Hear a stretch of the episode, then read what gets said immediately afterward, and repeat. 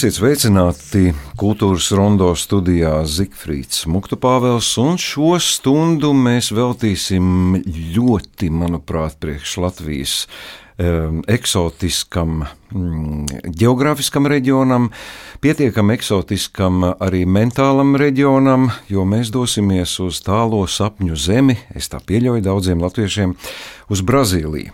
Brazīlijā joprojām dzīvo latvieši Emigrācija aizsākās pagājušā gadsimta, nu varētu teikt, sākumā jau dažādu iemeslu dēļ cilvēki ir devušies uz Brazīliju. Protams, ka daudz emigranti devās arī pēc otrā pasaules kara, bet tā zināmākā un pazīstamākā, un droši vien tāda dārgākā arī pēc nosaukuma vieta, ka, ko latvieši paši nosauc par vārpu, šajā rudenī atzīmēs savus simtgadi, nu un tad runāsim gan par simtgadi, gan par vēsturi, gan arī par šī brīža situāciju latviešu kopienā Brazīlijā. Un man šodien ir ļoti paveicies, ka man ir divi acu liecinieki, kas tik, tik, tikko ir atgriezušies no Brazīlijas un noziņos mums visu, kas tur notiek, kā dzīvo latvieši, ko latvieši dara, ko viņi domā, kādas ir saiknes ar Latviju. Un, jo īpaši priecājos, ka mums arī ir tādas mm, uzvārdu saiknes šajā studijā. Pie mums ciemos ir Rūta Mukta Pāvela un Valdes Mukta Pāvela. Labdien! Labdien. Labdien. Nu, tad mans tas sarežģītais jautājums. labi, to neprasīšu. Gāja labi, zinu. Uh, varbūt uh, izstāstiet dažos vārdos, ko jūs darījāt, kas aizveda jūs uz Brazīliju. Un es saprotu, ka tas nebija primāri doties meklēt uh, latviešus Brazīlijā. Jā, tad uh, mēs uz Brazīliju devāmies uh, tādā ļoti jaukā dziedošā komandā, ko vadīja Dace Melbārde. Un, jā, tas uzaicinājums nāca no Ižūja pilsētas, no pašvaldības, lai piedalītos kultūras un izglītības pasākumā, kas ir Expo Fest Ižūja 2022. Un, nu jā, tad tas galvenais mērķis bija tāds, bet, protams, nu, lidojot uz Brazīliju, bez šaubām tur ir tik daudz ko redzēt un galvenais bija svarīgi satikties arī ar tur dzīvojušiem latviešiem. Man, kā kultūras akadēmijas rektorī, bija ļoti interesanti un vērtīgi apmeklēt dažādas universitātes, gan Unižujī, gan arī UniOST, Unikampa universitāti, tikties ar vadību, parunāt sadarbības dažādas iespējas. Protams, mēs apmeklējām arī tikāmies ar dažādu kultūras centru vadību.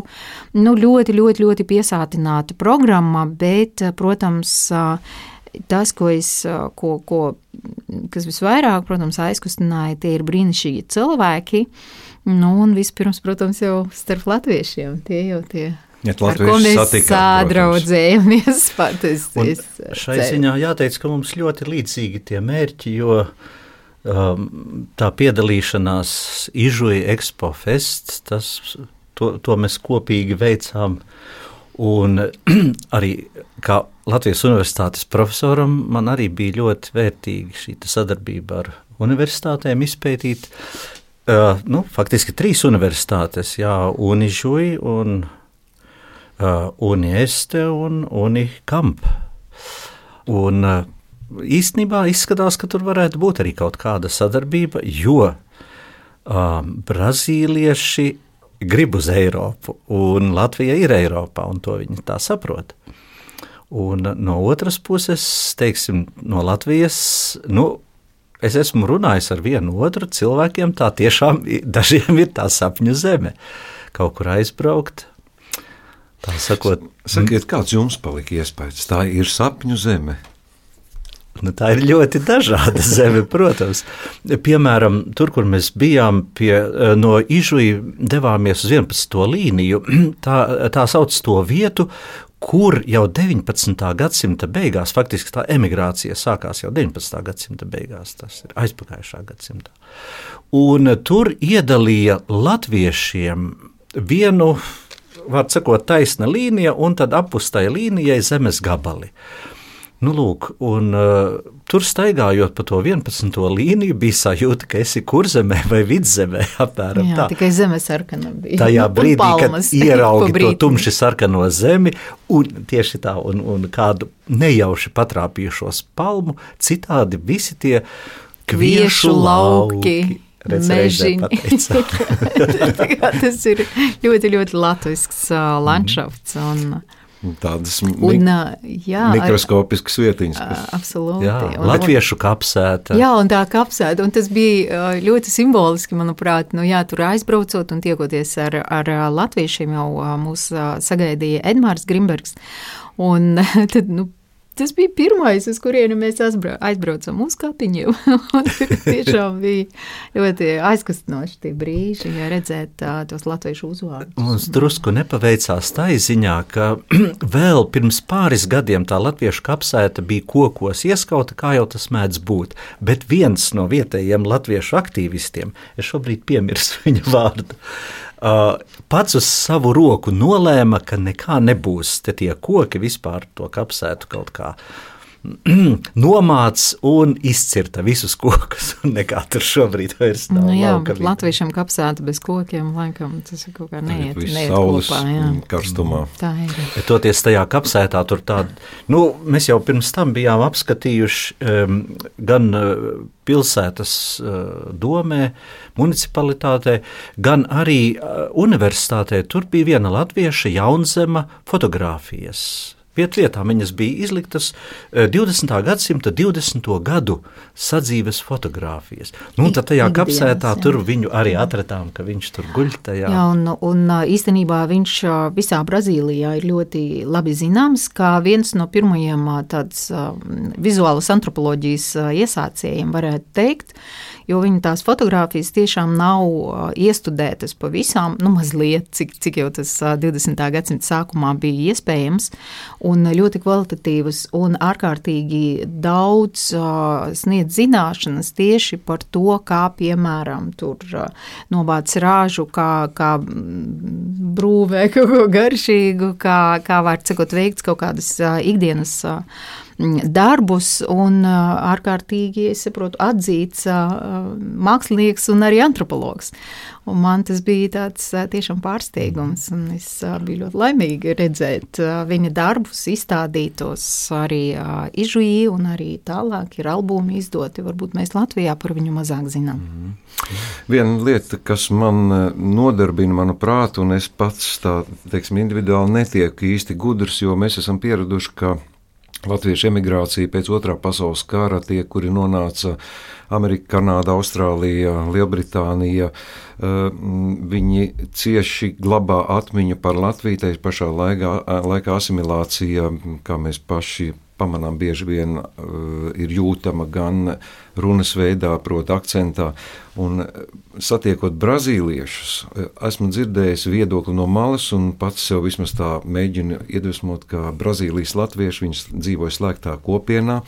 Viņi ar Latviju diez kādas saiknes neveidoja daudzu desmit gadu garumā, un respektīvi šis ir kā, baidos tagad kaut kā rupi nosaukt, ne inkubators vai rezervāts, kur ir saglabājusies, iekapsulējusies tā kultūra, kas bijusi Latvijā, nu, ja valde saka no 19. gadsimta beigām, es nebūtu tik droši, bet 20. gadsimta sākuma, tie 20. gadi, Nu, tur varētu būt, vai viļņi, kaut ko jā, to pamanījāt, kaut ko, ka tas ir Jā. kaut kas īpatns, īpašs. Protams, protams.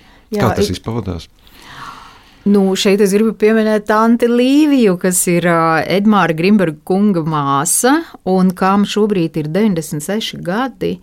Un, nu, viņai tā valoda, un jo īpaši attiecībā uz fonētiku, viņa tik skaista, viņa tāda tīra un tāda tiešām iekonservējusies, bet tādā labā nozīmē, kur tu joprojām vari dzirdēt to indoeiropiešu, tos, tos patskaņus, skaidri izrunātos, nevis apveļot, mm -hmm. kā mēs jau šeit esam pieraduši ikdienā runāt. Bet, un, protams, arī tās idiomas, kas, kas viņai nu, bija tiešām bauda Ļoti. ar viņu sarunāties. Un, es pat neteiktu, ka nu, jā, savā ziņā ir. Ne tā kā varbūt iekapsulēs, bet ierhīvēt tā, tā labākā valodas, nu, kaut kāda. Slānis. Jā, vesels, varētu jā. teikt, jā. Ir, ir daļai ir, jā. Un es gribētu te arī pieminēt vienu to iemeslu, kas, nu, daļēji ir tas, kas viņus nesaista tik tuvu pie Latvijas. Jo faktiski tā 19. gadsimta beigu uh, migrācija, tas pirmais vilnis, uh, tie cilvēki jau nebrauc no Latvijas. Viņi brauca no kurzemes, viņi pārsvarā no kurzemes tie bija. Un tad, kad izveidojās Latvija, nu, to viņi e, no laikrakstiem uzzināja. E, līdz ar to šobrīd, piemēram, tam pašam, e, ko Rūta minēja, Edmāru Grīnbergu, viņš gribēja dabūt Latvijas pilsonību. Bet kādā veidā to dabūt, ja viņa senči nav bijuši nekad Latvijas pilsoņi? Un tad viņam nācās gan pirmkārt pierādīt to, ka viņa senči ir noliepājis, otrkārt mācīties. Viņš jau zināja diezgan labi latviešu valodu salīdzinot ar citiem, runā. bet nu vienalga viņam bija jāliek eksāmenis, viņš tur dabūja arī pamācīties. Tā, tā ka nebija vienkārši. Vai valoda ir vienīgais, ko mēs varam teikt par latviešu kultūru? Ui, nē. nē daudz kas cits vēl klāt. Nu, nu, pastāstiet, Jā, kā, nu, kas arī tajā pašā. Es nezinu, es, cik, cik mēs varam fokusēties tikai uz Ižviju, bet tur tiešām viņiem ir sava, sava sēta, latviešu sēta, kāda tipika leta, kā viņi to sauc. Pat veselas jā. divas, jo viena bija tajā jā. 11. līnijā. Jā, pareizi, tur ir, tur ir jā. tieši tā. Un, un respektīvi, tur gan, gan ēdieni, gan dažāda atribūtika un arī dziesmu ansamblītis, ko bērni dzied, latviešu dziesmas un, un latviešu koris, var sakot, Brazīlijas latviešu koris veidojas, un kas arī es ļoti ceru, ka tiks uz dziesmu svētkiem un mēs satiksim tos uh, mīļos cilvēkus. Un, uh, jā, tā kā visnotaļ nav tā, un, ka, ka tikai valoda, un, uh, manuprāt, viņi to arī ļoti labi saprot paši. Nu, un, protams, slavenās. Uh, Dilles, ko, ko, ko citas kultūras praktiski nelieto, bet nu, Latvijas monēta un, un tās, jā, tur, tur jau leģendas klīsas. Ed, Edvards aizveda uz savu dzīvokli, kas ir ceturtajā stāvā, sast, un tur uz, uz balkona. Dilles, riktīgi. Un tas ir, nu, tur, tur ir daudz tādas, un, protams, arī koklis, iedomājieties, iedomājieties, ka mums no Latvijas nebija jātransportē kokles, jo mēs visur, kur mēs braucām, kur mēs uzstājamies, kokles jau bija priekšā. Varējām. Ne, tur ir ļoti daudzas tādas tiešām latviskas lietas, un tas, kas man vēl vairāk patika, ir tas, ka kaut kā tā latvietība aizrauja arī, arī brazīliešus pašus. Un gan mums dzīvojot Novadesā pie mūsu saimniekiem, Enrike un Džedalva, um, viņi paši nerunā ne latviski neko, bet dzied latviešu dziesmas un uh, latviešu valodā. Un, uh, nu, viņi tik pārņemti ar to Latviju, un, un, un vispār vairāki tādi cilvēki, un arī tajā pašā Ižvī un Kuricībā, uh, kur mēs uh, braucām un gājām un tikāmies ar cilvēkiem, ka viņi kaut kā māca arī pavilkt arī tos, tos vietējos uz to latvietību. Jā, latvietība kā tāda lieta, uz ko tiekties Un, un tas bija tiešām interesanti redzēt. Nu, man liekas, ka šobrīd jau tas izžuja deju grupa ar nosaukumu Staburaks. Tā jau ir gandrīz leģenda. Bet tā ir deju grupa, kuru paskatoties, viņa dejo ļoti, teiksim, tādā labā atzīstamā līmenī. Var atpazīt visas dēļas, ir tautas starpos ģērbušies, uh, viss notiek. Izrādās, uh, etniskā ziņā tur neviena latvieša neviena. nav viņu vidū. Jā, un Dārsa Melbārda, kad bija ministre, viņa bija uzaicinājusi tieši šī iemesla dēļ pat pie sevis pagājušais dziesmu un dievu svētkos. Un, un tagad atkal viņi tikās. Un, jā, mēs ļoti ceram, ka viņi arī izturēs konkursu. Es par to nešaubos. Viņa tas līmenis ir tiešām ļoti, ļoti augsts. Bet interesanti, ka arī sejas ziņā, nu, var redzēt, ka brazīlieši, kaut gan nav tāda brazīliešu tipa, nav, jā, jā. bet kaut kas tomēr ļoti, vismaz daži, daži bija pilnīgi varētu domāt no vidzemes. Jā, kā no mēs kur... mēdzam teikt, nu, ir antropoloģiski uz viņu skaties. Bet, bet kas tad cauri, saka, tā latvietība jūs pieminat, tas ir tas mērķis, pašmērķis, kāpēc viņi, ko tas tā Eiropa ir tas vilinājums kaut kādā. Jo Staburaga dejotāji teica tā, ka latviešu dejas ir mistiskas. Nu, tu nu, paņemtu viņus. Nu, un, ja Lūdzu, mistiskas, nu, tas ir tas vilinājums. Jūs neatrunājāt, vai ne? Mēs neatrunājam nevienā, nevienā brīdī, bet eh, es domāju, ka tas raksturojums, tas mistiskais, nav vienkārši tikai brazīliešiem. Es domāju, ka tas tiešām ir kaut kas tāds, kaut kas tāds netverams. Ir, nu, mēs ļoti labi pazīstam arī Šveicē un Vācijā. Jā. Ir grupiņa cilvēku, kuri tiešām latviešu dejas uzskata par mistiskām un, un praktizē un dejo. Jā, jā. jā. Tā Esam kā, bijuši pie viņiem ciemos. Ne, mēs nevaram to laikam paskaidrot, kas tas ir. Varbūt es vēl varētu mēģināt. Bet uh, tur ir kaut kāds, kaut kāds gēns, kaut kāds, kas, kas, kas ir nu, un, un ļoti, ļoti. Tas, kas noteikti pie latvietības pievelk, ir virtuve. Kaut kā kopumā brazīliešu virtuve, es teiktu, ir uzteikt laba. Līdzīga.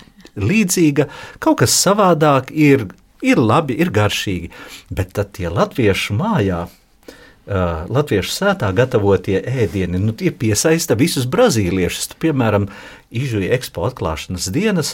Tātad tur nu, 13 galvenās etniskās grupas, kuras tur tiek eksponētas kā tur dominējošās, nu, tostarp arī latvieši. Tostarp arī ēdienus eksponējot. Bet... Latviešu nams pilns, pilns ar brazīliešiem, kuri iet tur ēst pupiņu zupu ar kūpinātu šķiņķīti, ko Edmārs pats, pats nokūpinājis ar speciālitāti. Jā, jā, tā tiešām un, un visādas citādas lietas. Kāda jums tā pēcgarša palika? Turpināsit kontaktus ne tikai ar Brazīlijas universitātēm, bet ar Brazīlijas latviešiem? Es ļoti Šī gribētu. kopiena ir gribētu. atšķirīga no iepriekš satiktiem latviešiem no citām emigrācijas vietām? Faktiski ir, ir atšķirīga tiešām. Varbūt tā, teiksim, tie kontakti ļoti viegli veidojās. Un, un Jā. tā sirsnība un nu, kopumā jau varētu teikt, ka arī, arī citur, arī tāpat Amerikā, mhm. Austrālijā. Mm -hmm. arī, bet nu, šeit kaut kā savā, varbūt tas tālums, varbūt vēl kaut kas, bet tie cilvēki nu tiešām tu pie viņiem uzturies, viņi tevi izvadā, viņi visu paskaidro, viņi visu izdara. Es domāju, ka ne, man, piemēram, ir, ir cits aspekts, es vienkārši redzu to entuziasmu, cik tiem cilvēkiem tomēr tā Latvija ir interesanta un vajadzīga, un ja tu redzi, ka tā tas ir, tad, protams, ka bez šaubām es ļoti gribētu ar viņiem komunicēt un turpināt komunicēt. Un jo īpaši tiešām arī, arī Renāte Albrehta, kas Brazīlijas Latviešu kultūras apvienības projektu vadītāja, kas jau desmit gadus dzīvo Brazīlijā, ar tādu entuziasmu, ar tādu mm, ārkārtīgi lielu tādu tā izpratni un ļoti precīzi un bez liekiem kaut kādiem, nu, kā lai saka, citreiz, nu, kaut ko, ka viņa, nu, mēs kaut ko gribētu, bet mēs paši nezinām, ko. Un Renāte, manuprāt, ir no, no, no tiem Brazīlijas latviešiem, kas, kas perfekti zina, ko viņi grib. Tikai viņai vajag tos instrumentus, un viņa arī tos instrumentus zina, ar kuru palīdzību, kādos projektus rakstīt, pie kā vērsties, kas varētu palīdzēt. Bet, un tad tu nevari neatsaukties uz tādu cilvēku entuziasmu. Un kopā ar viņas vīru, kas ir Felipe Albrechts, ir Brazīlijas Latviešu kultūras apvienības vadītājs. Nu, tā ir tik kolosāla ģimenē balstīta komanda, mm. ka tu vienkārši uz viņiem skaties un priecājies un, un bez šaubām, nu, cik vien varēs, nu, palīdzēs. Manuprāt, es, es par sevi, protams, tikai varu teikt, bet. Jā. Nu, labi, tā izreklamējāt. Nu, Reka man rokās nonāca tāda ziņa, ka Brazīlijā iznāk latviešu izdevniecībai Palma, veltīts dzējas krājums, un jā. tieši Renāta Albrecht jā. ir iniciatori tam, jā. ka tas arī Lūdzu, noticis. Tas ir tikai viens no, no viņas. Piezvanīsim Renātei, nezinu, kādā stāvoklī viņš šobrīd ir. Visdrīzāk ar kājām gaisā attiecībā pret mums, bet mēģināsim sazvanīt Renātu un uz, uzprasīt, kāpēc viņa mm, apkopo Brazīlijas latviešu dzējoļus un kāda tad ir viņas tā pieredze vadot Jā. latviešus Brazīlijā. Kājām jums... gaisā un arī ar savu jauno atvasi droši vien, kas nav. Nu, tagad pašu jaunāko, Jā. kas, mm. kura naktīs ļoti jau, jā, jāpieskata un tā tālāk, mm. bet gan jau varēs runāt. Jā, bet uh, tas ir ļoti svarīgi, ka, piemēram, viņi abi arī tad, uh, tos vietējos skolu ir iesaistījuši dažādos arī projektos, un iedomājieties, tu ierodies pie Brazīlijas, brazīliešiem, bērniem, un mm. viņi tev saka, labrīt! Cigar! Un danco pērkoļīti. Man liekas, viņa vēl arī teica, gan paldies, teica, jā, jā, jā, dejoja arī deja, zināja jau dejas. Jā, viņi, viņi Filipe un Renāte tur bija strādājuši un vēl. Jā, meitene bija no jā, Latvijas. Kas viņiem, bet, jā, ar viņiem dien dienā strādā. Jā, bet jā. mēs netraucēsim tev zvanīt. Nu jā, labi, Rūta, Valdi, abrigādo. Paldies! Zvanam Renāte! Un šobrīd izdevās sazvanīt Dienvidamerikas un Karību Latviešu apvienības priekšsēdētāju Renāti Albrehtu. Labrīt! Labrīt! Brazīlijā šobrīd ir agrs rīts, es tā saprotu. Latvijā jau diena ir sākusies. Renāte, mūsu redzeslokā ir nonācis mm, dzējas krājums, ceļi, kas ved caur Jā. dzēju. Pastāsti, lūdzu, kas ir šis pakrājums? Varbūt, ka Latvijā taču arī interesanti būtu, kas gribētu lasīt šo dzēju, jo dzēja tāda Latvijā nav bijusi izdota?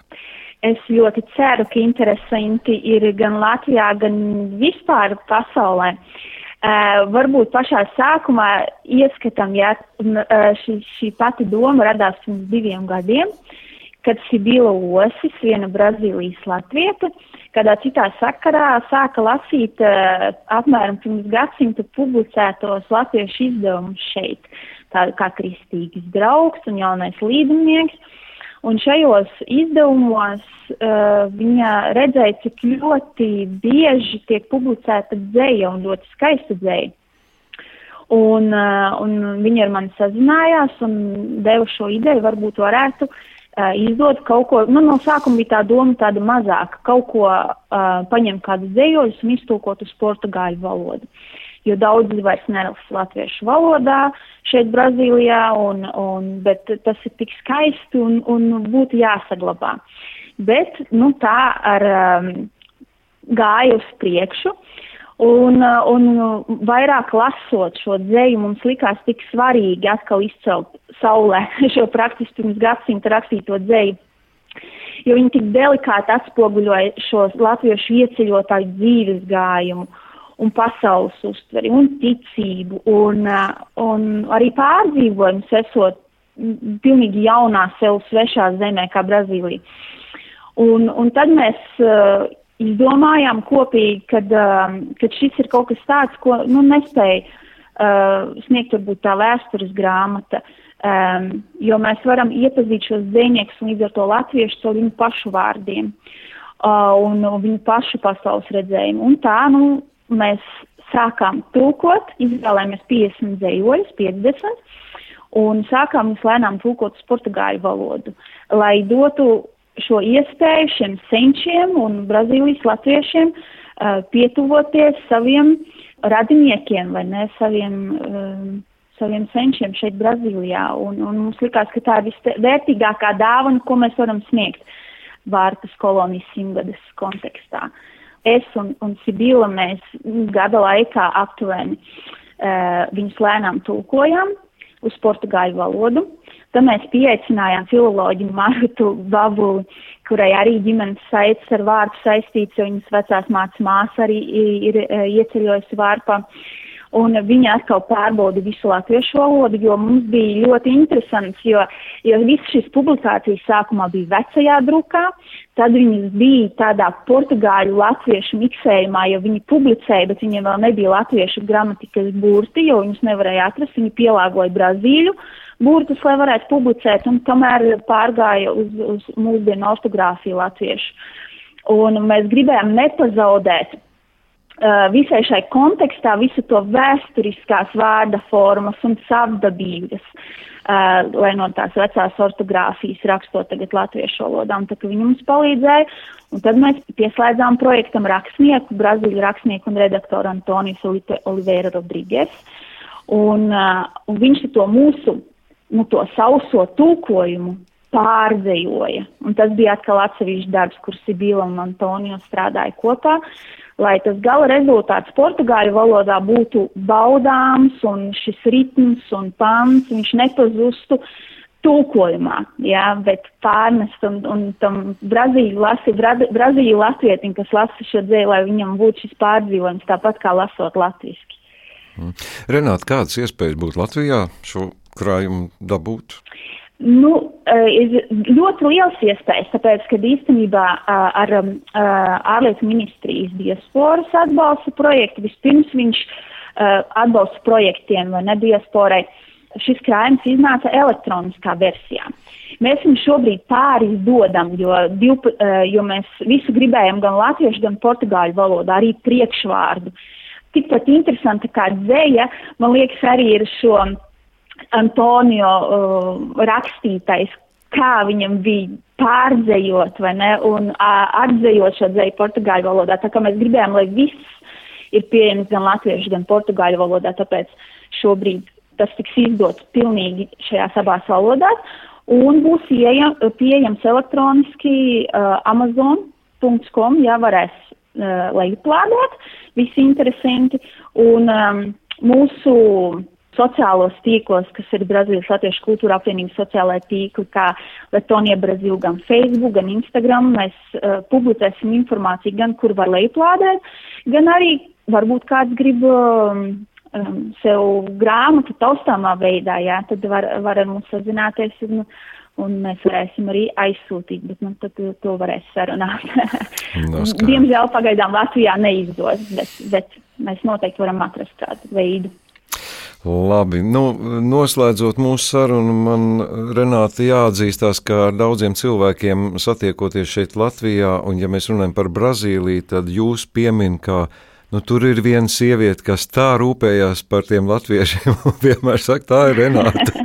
Kā veicas ar sabiedriskām lietām? Es saprotu, ģimenē ir pieaugums un nav nemaz tik daudz laika, kā gribētos droši vien, bet kā veicas ar tiem visām latviešu aktivitātēm? Nu, jā, gan ar to ģimenes pieaugumu, gan arī vispār ar, ar visu pagājušo pandēmiju. Uh, lietas bija nedaudz piekusušas, bet šogad ir viss atgriezies ar ļoti lielu sparu un jaudu, ar daudziem projektiem, kas tiešām arī uh, dažādiem projektiem, kas vērsti uz Brazīlijas latviešiem un viņu tieši uh, vēstures saglabāšana, kā mutvārdu vēstures uh, projekts, kas mums tikko noslēdzās, kur mēs ierakstījām 73 mutvārdu atmiņas Brazīlijas latviešiem dažādās pilsētās, gan Ižuvī, gan Novudesā, gan Vārpā, gan Kuritibā. Un, um, tā kā mēs, uh, un, protams, mēs svinam svētkus un koris un deju, ko gatavojas braukt uz dziesmu svētkiem, tā kā mēs arī to visu mēģinam darīt un nepazaudēt šo saikni ar Latviju. Tā kā es domāju, mums iet labi. Protams, ir lietas, kas pietrūks, mēs uh, vēlētos arī paši savā kopumā vairāk uh, sadraudzēties un, un um, tieši kā Brazīlijas latvieši viens ar otru, jo, diemžēl, mūsu kopienas atrodas diezgan tālu viens no otras. Dažas ir tūkstotis kilometru attālumā viena no otras. Uh, Tā kā mēs gribam uz priekšu, skatāmies, kā mēs paši savā starpā varam vairāk draudzēties, sapazīties, svinēt kopā un, un svinēt to, ka esam latvieši Brazīlijā. Paldies, Renāta, par šo sarunu, un lai izdodas viss iecerētais, un gaidīsim jūs, protams, arī Latvijā. Mīļš, mīļš, paldies, jā. Sazvanījāmies ar Dienvidamerikas un Karību Latviešu apvienības priekšsēdētāju Renāti Albrehtu. Bet tagad pievērsīsimies pašai jubilārai Latviešu emigrantu Brazīlijā apdzīvotajai vietai Vārpa, kurai šajā rudenī simt gadu. 2017. gadā pirmizrādi piedzīvoja dokumentālā filma Vārpa apsolītā zeme. Ir pagājuši tikai pieci gadi, bet daudzas liecības šodien vairs nebūtu iespējamas, tāpēc jau šobrīd šo filmu varam uzskatīt kā vēsturisku vērtību. Pēc brīža tiksimies ar filmas veidotājiem.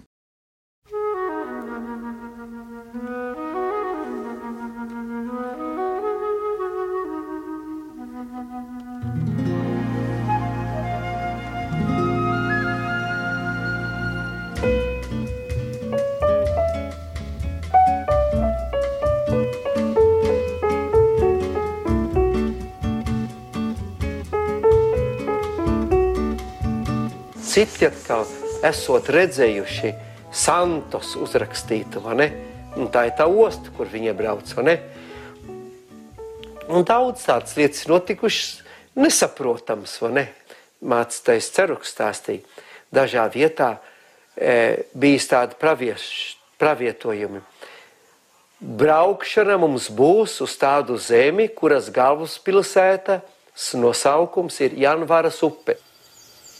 Kāpēc brauc? Es nemaz nezinu to pateikt. Laikam bija tas tādā laikā, ka braucu un braucu, vai ne? Un viņi brauc uz Brazīliju, lai te dzīvotu.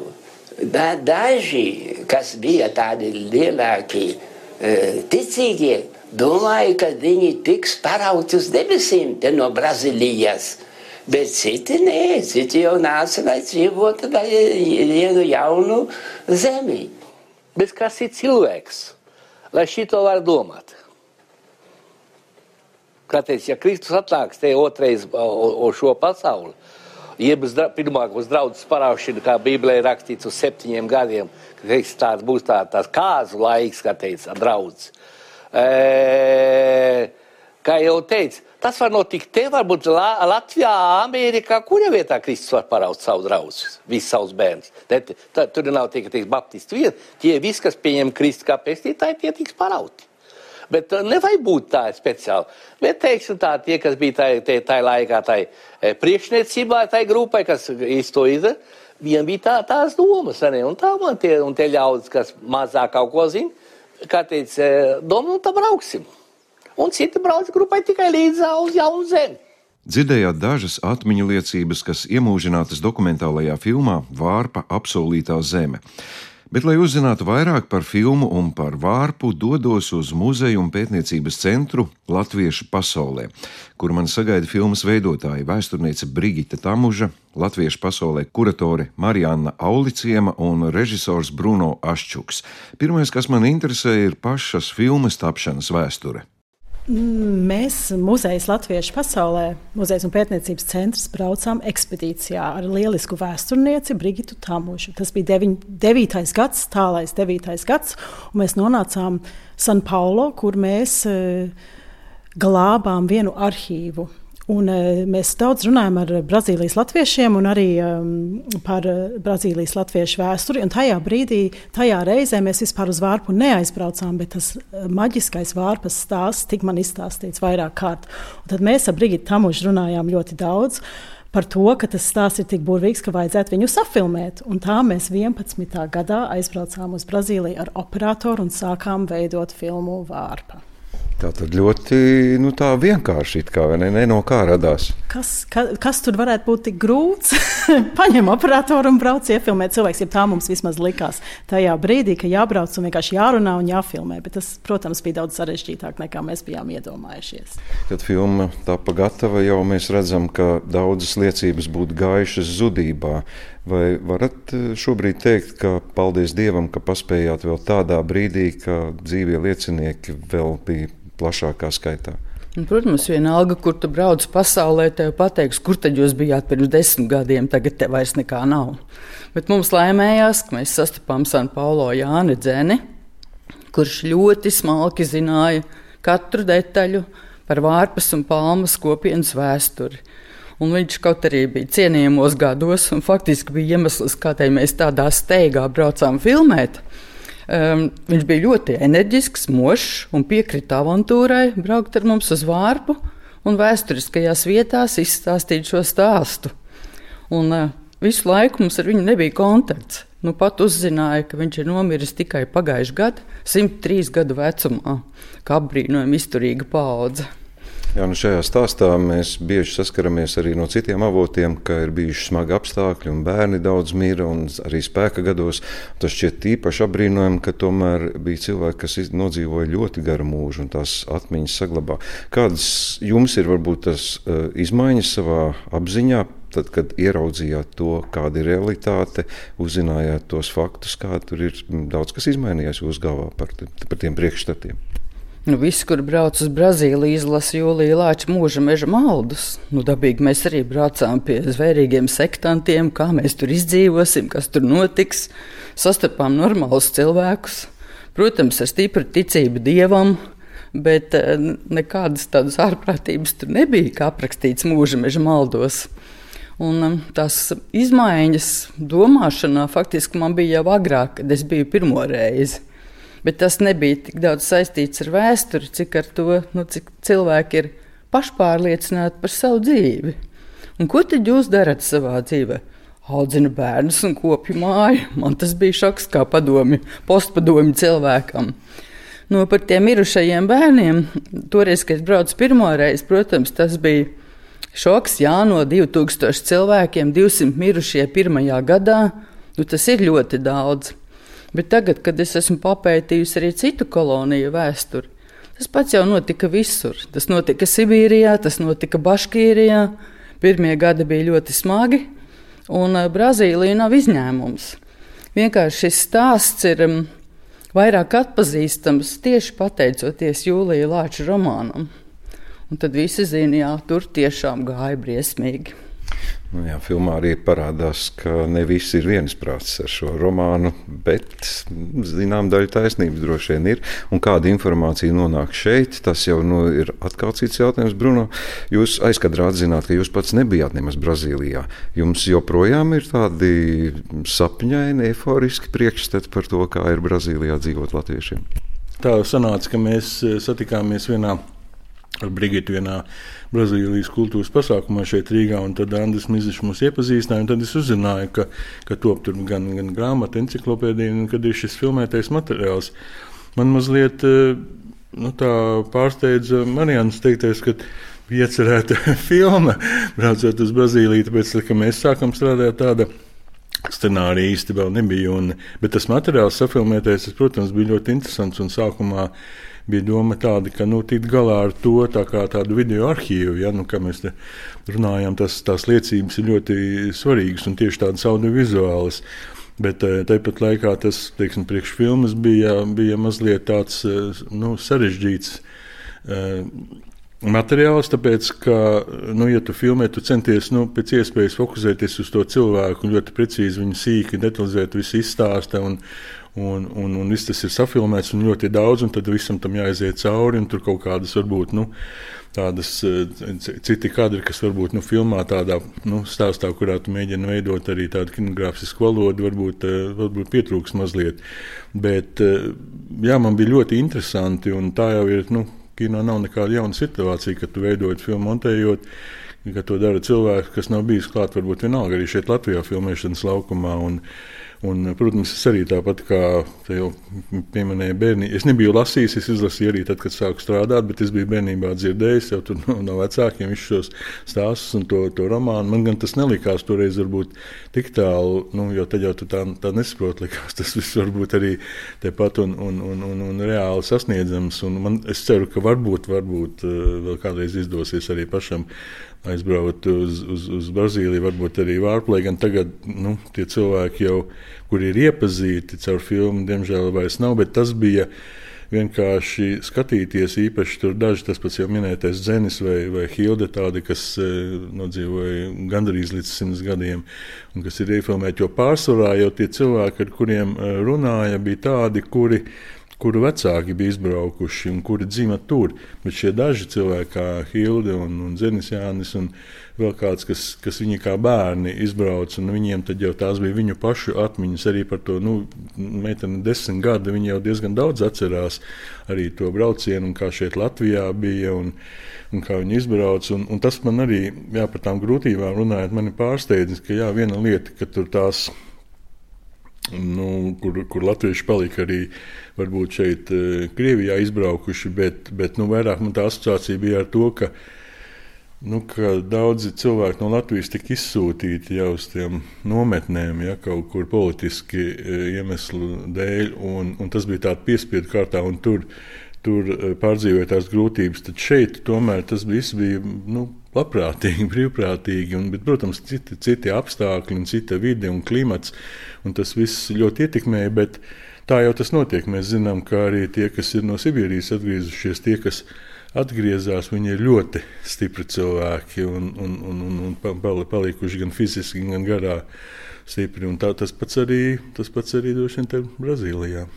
Jūs jau pats tā kā sadalījāt, jo tomēr to ļoti uzskatām, var redzēt, kādi ir latvieši Sibīrijā, kādi ir latvieši pēc otrā pasaules kara bēgļi piespiedu kārtā, un Brazīlijas latviešu kopiena pilnīgi citu apstākļu vadīta.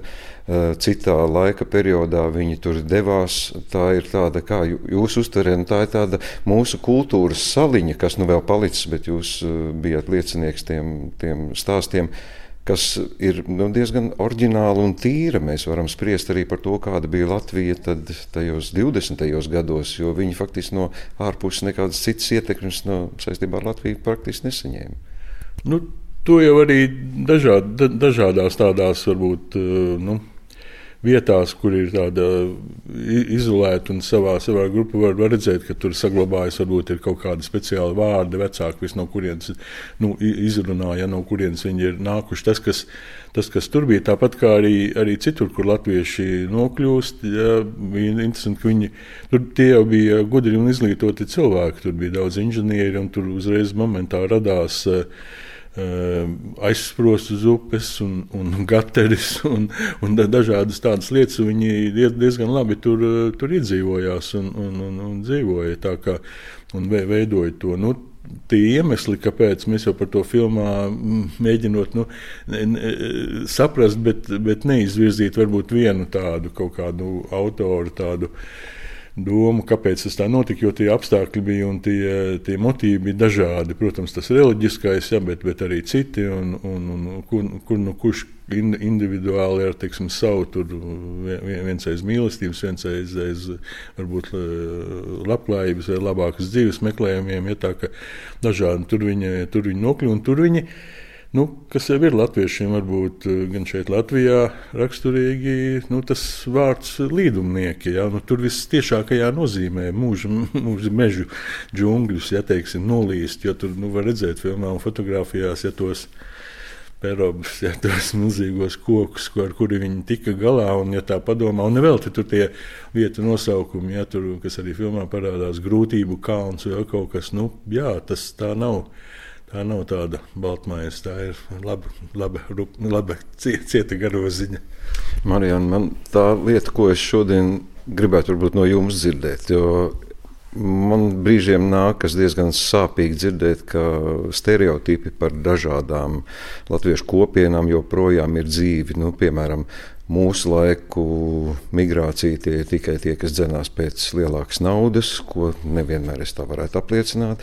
Eh, pēckara periods, kad tā bija piespiedu kārtā, un attiecībā uz 20. gadu latviešiem, kas aizbrauc uz Brazīliju, es varu apliecināt, ka pārsvarā visiem, kam pajautā, kas tie tādi bija, viņi saka, tie, kas liepājā stāvēja baltās drēbēs uz tiltu un gaidīja pasaules galu.